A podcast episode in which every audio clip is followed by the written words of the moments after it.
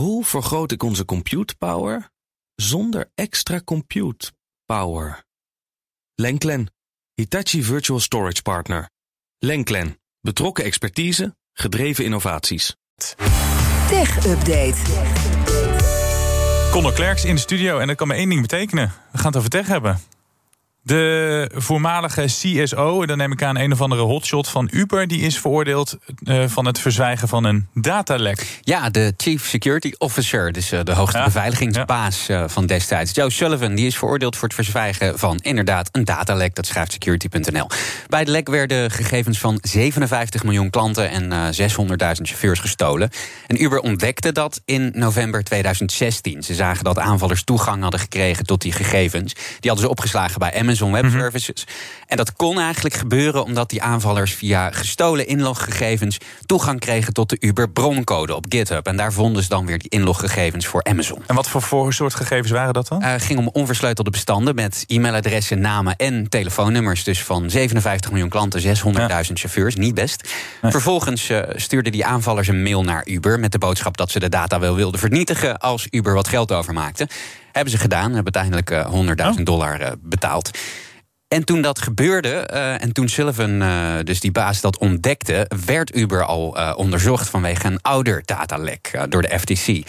En de procureur-generaal in de VS zegt nu dat Sullivan dat datalek heeft verzwegen voor de toezichthouders. En dan gaf zijn team ook de opdracht om het lek stil te houden. Nou, hij is veroordeeld en dat kan een potentieel gevangenisstraf van acht jaar opleveren. Oh, dingen die je niet moet doen voor je baas. Ja, precies. Als wij iets hier ontdekken, dan moeten we het gelijk toch maar tegen de zeggen. Ja. Uh, van uh, Uber naar Radar, want dat doet aangifte tegen Google. Ja, tv-programma Radar heeft uh, aangifte gedaan tegen Google... omdat Google oneerlijke handelspraktijken zou faciliteren... en daarvan profiteert. In een persbericht laat het programma weten dat presentator Fons Hendricks... namens Radar aangifte heeft gedaan bij de politie.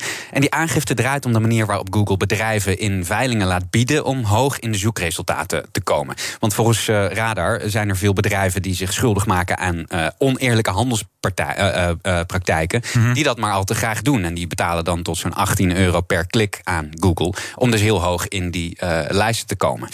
Ja, Google zou op de hoogte zijn van het feit dat ze dus malafide uh, bedrijven promoten. En eerder dit jaar uh, schakelde Radar een loodgieter in, die dus heel hoog in die Google-resultaten staat. En ze legde met een verborgen camera vast dat hij uh, klanten misleidt en veel te veel geld rekent.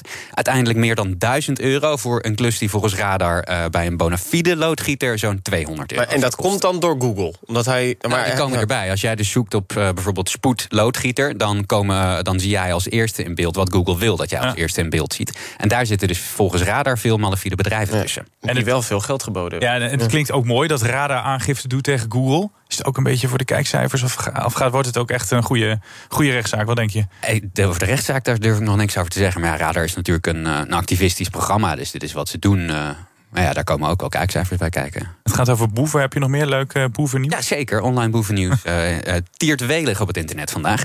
De politie heeft vandaag drie mannen aangehouden... op verdenking van online handelsfraude en oplichting. De drie zouden via verschillende online webshops... onder andere koffieapparaten, bladblazers en tuinsets verkopen... maar die helemaal niet leveren.